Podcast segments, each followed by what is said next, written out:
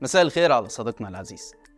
يوم 16 أكتوبر سنة 1868 اتولد أمير الشعراء أحمد شوقي في القاهرة القديمة وتربى شوقي في قصر الخديوي إسماعيل بسبب إن أمه كانت بتعمل في الوقت ده وظيفة في القصر. ارتبط شوقي بقصر الخديوي اللي اتربى ونشأ فيه تحت أعين الخديوي إسماعيل وده كان واضح في شعره لما كبر بعد كده وقال أخون إسماعيل في أبنائه وقد ولدت بباب إسماعيل ولبست نعمته ونعمة بيته فلبست جزيلا وارتديت جميلة وبعد ما كمل شوقي دراسته في الخارج وعاد لمصر بقى مقرب من الخديوي عباس حلمي واللي عينه رئيسا للقلم الإفرنجي في ديوان وبعد الحرب العالمية الأولى عزل الإنجليزي الخديوي عباس حلمي اللي ولا كان بيحبهم ولا هم بيحبوه وده طبعا أثر في شوقي واللي هاجم الإنجليز في أشعاره ودافع عن عباس حلمي وده ما عجبش الإنجليز وراحوا نفوه لفين بقى؟ لإسبانيا. والكلام ده كان سنة 1914 نزل خبر النفي على شوقي كالصاعقة أيام طبعا ما كان النفي عقوبة قاسية وعاش في حالة حزن كبيرة بسبب بعده عن وطنه. لكنه أنشد هناك أشهر أشعاره الوطنية اللي بتعبر عن حبه وارتباطه بمصر. ومنها هلا بعثتم لنا من ماء نهركم شيئا نبل به أحشاء صادينا كل المناهل بعد النيل آسنة. ما أبعد النيل إلا عن أمانينا طبعا شوقي لو كان عرف إن السيسي اتنازل عن حقوق مصر في النيل لإثيوبيا في اتفاقية المبادئ اللي وقعها سنة 2015 يمكن كان محى البيت ده من تاريخه الشعري. المهم أنشد شوقي في الغربة أشهر أبياته الوطنية واللي قال فيها برضه سلا مصر هل سلا القلب عنها؟ أو أسى جرحه الزمان المؤسي؟ كلما مرت الليالي عليه رقى والعهد في الليالي تقسي وطني لو شغلت بالخلد عنه نزعتني إليه في الخلد نفسي. طيب كل الفيض الشعري ولهيب المشاعر ده كان بسبب بعد شوقي عن مصر قد إيه؟ خمس سنين بس. يعني أكنه عقد عمل. لأنه عاد لمصر بعد كده بأمر من الملك فؤاد الأول سنة 1919 خليني أقول لك يا صديقي العزيز إن زمان كان النفي ده من أشد العقوبات قسوة. تتجاوز السجن كمان.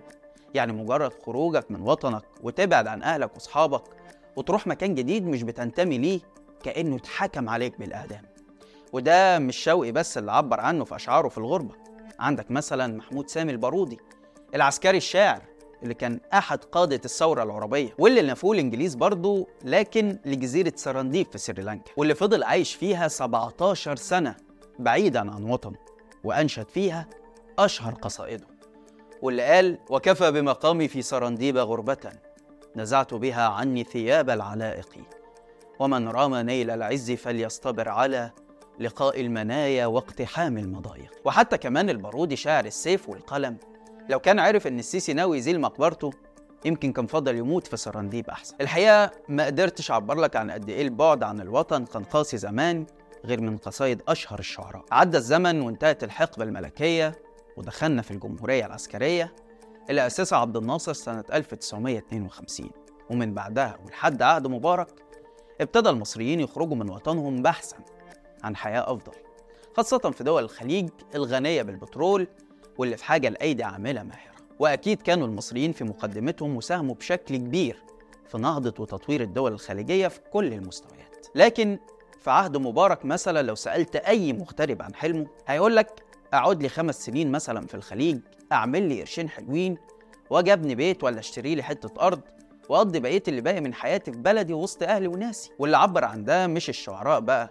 لأن الزمن اختلف لكن أغاني الغربه زي مثلا أغنية تذكرتي رايح جاي للفنان حمزة نمرة واللي بيقول فيها إن مهما طالت المسافات والغربة عنده أمل يرجع وطن لكن برضه ظهر في نهاية عهد مبارك نوع من أنواع الأغاني اللي بترفض الغربة وتحلم بمستقبل أفضل لمصر وأهلها زي أغنية هاجر وأسيبك لمين لمحمد عباس. عشان يتحقق الحلم في التغيير في ثورة يناير 2011 وبعدها بدأ كتير من عقول مصر وخبراتها ومواهبها في الرجوع للوطن اللي بيحلموا بيه مرة تانية. على أمل إنهم يلاقوا فيه اللي ما لقاهوش زمان. لكن طبعا السيسي قضى على الأحلام دي بعد انقلابه على الديمقراطية والثورة. وتأسيس دولة عسكرية بوليسية أشد قسوة من كل اللي سبقوه مع فشل اقتصادي وسياسي. وده مش خلى بس المغتربين يتخلوا عن حلم العودة لا ده كمان معظم المصريين بقوا يحلموا يلاقوا فرصة هجرة عشان يحققوا أحلامهم المعيشية. ويلاقوا دولة تحترمهم وتقدرهم حتى لو بطريق غير شرعي. إزاي السيسي يحول مصر لسجن كبير؟ العايش فيه مفقود والخارج مولود. وليه كمان رجال نظامه من فنانين وإعلاميين بقوا يدوروا على جنسية تانية؟ ده اللي هنحاول نعرفه مع بعض في حلقة النهاردة. أنا عبد الرحمن عمر وده برنامج الحكاية.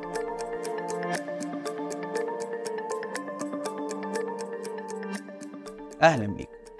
في الوقت اللي المصريين بيعانوا فيه من التضخم وارتفاع أسعار السلع الأساسية واللي مش أساسية نظام السيسي دشن مجمع سجون جديد ضخم. في منطقة صحراوية معزولة بالقرب من قرية الجفجافة التابعة لمدينة الحسنة في شمال سيناء بشكل شبه سري. ده بحسب منظمة سيناء لحقوق الإنسان. منظمة سيناء قالت إن السجن تم البدء بنائه سنة 2021 وبيتسع لنحو 20 ألف سجين. يعني بيتسع تقريبا لكل سكان مدينة الحسنة اللي بيبلغ عددهم قرابة ال 22 ألف نسمة. وفي تفاصيل إنشاء السجن قالت المنظمة الحقوقية إن من خلال تحليلها لصور الأقمار الصناعية إن السجن أوشك على الانتهاء من تدشينه وإن النظام قام بتجريف مزارع مملوكة المدنيين لإنشاء السجن اللي بتبلغ مساحته نحو 6 كيلو متر مربع. السجن الجديد اللي بيعمله السيسي بيقع في منطقة جبلية صحراوية وبيبعد عن أقرب تجمع عمراني حوالي 65 كيلو متر. ومفيش أي خطوط مواصلات عامة ليه. يعني اللي هيدخل السجن ده هيعتبر معزول عن العالم الخارجي. والزيارات اللي ممكن تجيله لأنه هيكون عقاب لأهله أو محاميه لو راحوا زاروا السجين. ده إذا عرفوا يوصلوا له أصلا. منظمة سيناء قالت كمان إن الأراضي الزراعية اللي النظام جرفها عشان يبني السجن نزع ملكيتها من الأهالي وبدون ما يحصلوا على أي تعويضات. طبعا كده أكيد عرفت مين اللي أشرف على بناء السجن. بالظبط كده زي ما توقعت. الهيئة الهندسية التابعة للقوات المسلحة. وهنا يجي السؤال المهم. في الوقت اللي المصريين بيعانوا فيه من الغلاء والتضخم وصعوبة المعيشة وانهيار العملة. هل ده الوقت المناسب إن النظام يبني سجون جديدة وما كفاهوش اللي عنده؟ ما بتتحسبش كده يا صاحبي. النظام بيبنيه مخصوص عشان الأزمات اللي زي دي. لأنه عارف إن في مواطنين كتير طفح بيهم الكيل. ما بقوش قادرين يعيشوا وهيجي الوقت اللي هيثور غضبهم. فالحل هو إننا نجهز لهم سجون جديدة عشان القديمة مش مكفية عدد المعتقلين اللي عندنا. طب تعالى كده نشوف عدد السجون اللي تم إنشائها في مصر في عهد السيسي بس. لحد نهاية ديسمبر سنة 2021 مصر كان فيها 88 سجن. تم بناء 45 منها في عهد السيسي بس.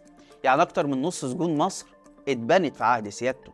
إنجازات دي بقى ولا مش إنجازات؟ ضيف عليهم كمان سجن الجفجافة الجديد ده. يبقى 46 سجن في مصر اتبنوا في عهد السيسي. المنظمات الحقوقية بتقدر عدد السجناء والمحبوسين احتياطيا 120 ألف سجين منهم 65 ألف معتقل سياسي يعني ضعف عدد السجناء الجنائيين. طيب ده عدد السجون والسجناء. تعال بقى نشوف مع بعض ظروف السجون دي عاملة إزاي. أكتر من ألف وفاة حدثت داخل السجون من ساعة الانقلاب العسكري اللي قاده السيسي سنة 2013 نتيجة للإهمال الطبي. وطبعا الحالة الأشهر كانت للرئيس الراحل محمد مرسي اللي توفى أثناء محاكمته. بعد ظروف غير آدمية وسجن انفرادي ومنع الأدوية واللي عانى منهم الدكتور مرسي في محبسه لأكثر من ست سنوات. السجن في مصر خصوصا للسياسيين والمعارضين يعتبر حكم بالموت البطيء أوضاع صعبة بيعيشها السجناء بسبب التضييقات والانتهاكات اللي بتحصل بحقهم وحق ذويهم.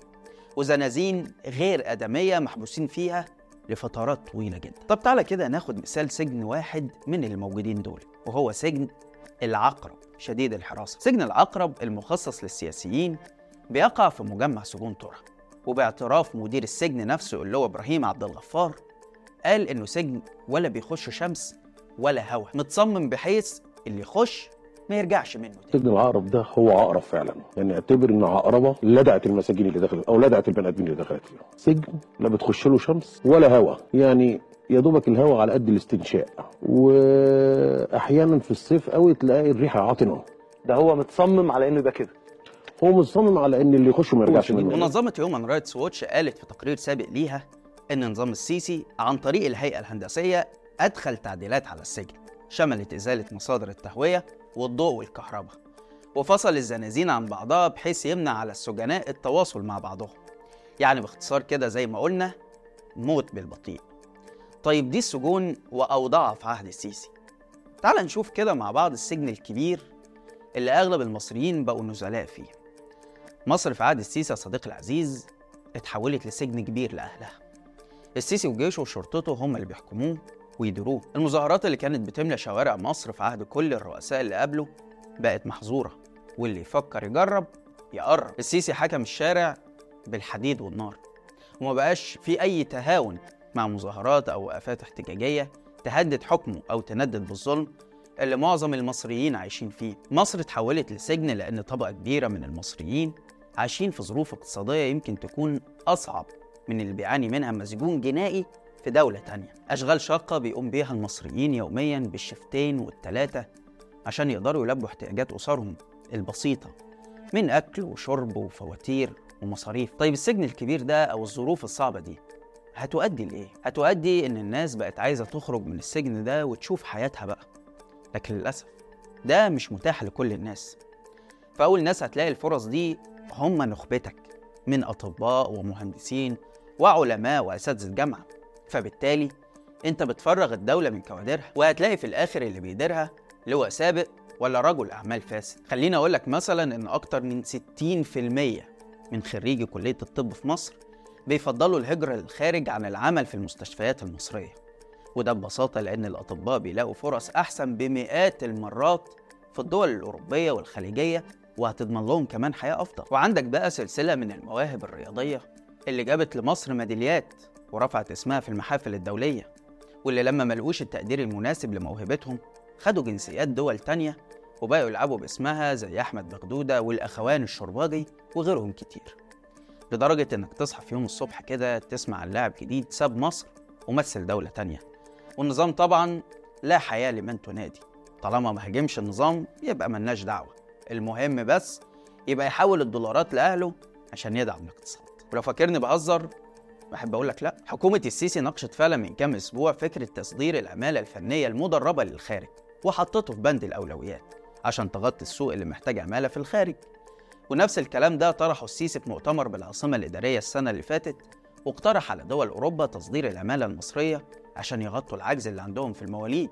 وبالتالي في فرصة كبيرة جدا في في دولنا وإحنا بنقول إن ده اتكلمنا فيه كتير قبل كده قلنا يا جماعة تصوروا وادرسوا فكرة تنظيم الهجرة المشروعة أو الهجرة الشرعية بالحالة اللي بنتكلم فيها دي إن إحنا يبقى النهارده لو في نقص في العمالة في أي دولة آه، ممكن قوي قوي يتم الت- التنسيق والتفاهم ويبقى تقديم هذه العمالة بشكل أو بآخر لمدة زمنية محددة ثم تعود هذه العمالة مرة أخرى إلى آه، دولنا والدول المشابهة لينا. فاللي هو بسم الله الرحمن الرحيم كده ده مش هيزعل على اللي بيهاجروا لا ده عايز يدرب ناس مخصوص عشان يصدرهم للخارج. وطبعا من غير تفكير عارفين منطق سيادته كويس وقصده إيه بالظبط. السيسي عايز يبعت كام ألف عامل مصري لدول أوروبا أو دول أجنبية بشكل عام على أمل إنهم لما يشتغلوا يبعتوا فلوس لأهلهم بالعملة الصعبة. فهو فيد واستفيد وحتى لو ما بعتش فدي بيفضيله البلد شوية من تكدس السكاني اللي السيسي شايفه أكبر أزمة بتاكل يا عيني إنجازاته اللي محدش حاسس بيها غيره. يوسفنا أقول لك إن مش بس المواطن العادي هو اللي بيدور على الفرصة للهروب من مصر. ده حتى الإعلاميين والفنانين المقربين من النظام بقيت كل يوم والتاني تسمع عن واحد خد جنسية زي عمرو أديب ومحمد هنيدي والموسيقار هاني فرحات وغيرهم كتير في الطريق اللي أعلنوا حصولهم على الجنسية السعودية. وبالمناسبة السعودية مش بتوزع جنسيات يعني هي بتعمل كده عشان خاطر تسحب البساط الثقافي والفني من مصر ليها. وكلنا دلوقتي شايفين أغلب الفنانين المصريين اللي بينتج أعمالهم هم الخلايج وعندك بقى اللي بيحاول منفردا كده يشتري باسبور دولة تانية عشان يقدر يسافر بيه وقت ما يحب. بدل الباسبور الأخضر اللي علشان تخرج بيه لدولة أوروبية محتاج تعمل عمل تقريبا ومنهم الفنان هاني شاكر اللي أعلن من فترة حصوله على جنسية دولة الكاريبي. أحب أقول لك كمان مفارقة مضحكة. فاكر فيلم عسل أسود بتاع أحمد حلمي؟ لما كان طالع بدور شاب عايش طول عمره في أمريكا ورجع بلده وبعد ما تعب في بداية تجربته في مصر عشان مش عارف يتعود وفي الآخر طلع فيها حاجة حلوة جدا. اهو حلمي نفسه بعد الفيلم راح هو ومنى زكي خلفوا ابنهم في أمريكا نفسها عشان يضمنوا مستقبله. هكذا أصبحت مصر سجن كبير في عهد السيسي وأصبح اللي بيخرج منه لأي دولة تانية من سعداء الحظ. لدرجة إنك لما تلاقي على التيك توك فيديوهات لمصريين راحوا أوروبا بطرق غير شرعية بيطلعوا ترند وتلاقي الناس بتسأله إزاي راح وركب البحر منين وعايزين يخاطروا زيه ومش بعيد يكونوا بيحسدوه كمان. يعني لك أن تتخيل أن الدروس اللي بناخدها من الأفلام والمسلسلات عن خطورة الهجرة غير الشرعية بقت حلم عند شباب كتير. نرجع تاني لموضوع السجون اللي بيبنيها النظام في مصر. وخليني هنا أقول لك إن السيسي في الكتالوج عنده يا إما يبني أصول رئاسية وعاصمة إدارية يا إما يبني سجون. طب إيه بقى؟ مفيش عندك في الكتالوج مدارس مستشفيات مصانع مثلا. في النهاية هتبقى دايما أزمة مصر في عقلية النظام اللي بيديرها. الهدف الوحيد هو الحفاظ على الكرسي اللي بالنسبة له أهم من مشاكل الناس ومعاناتها. وكله يهون عشان يفضل سيادة الرئيس يحكم مصر. ونختم برائعة شية أصورك للشيخ إمام والشاعر أحمد فؤاد نجم اللي هسيبكم تسمعوها بصوته. شايل قصورك وعمل ايدينا والخمارات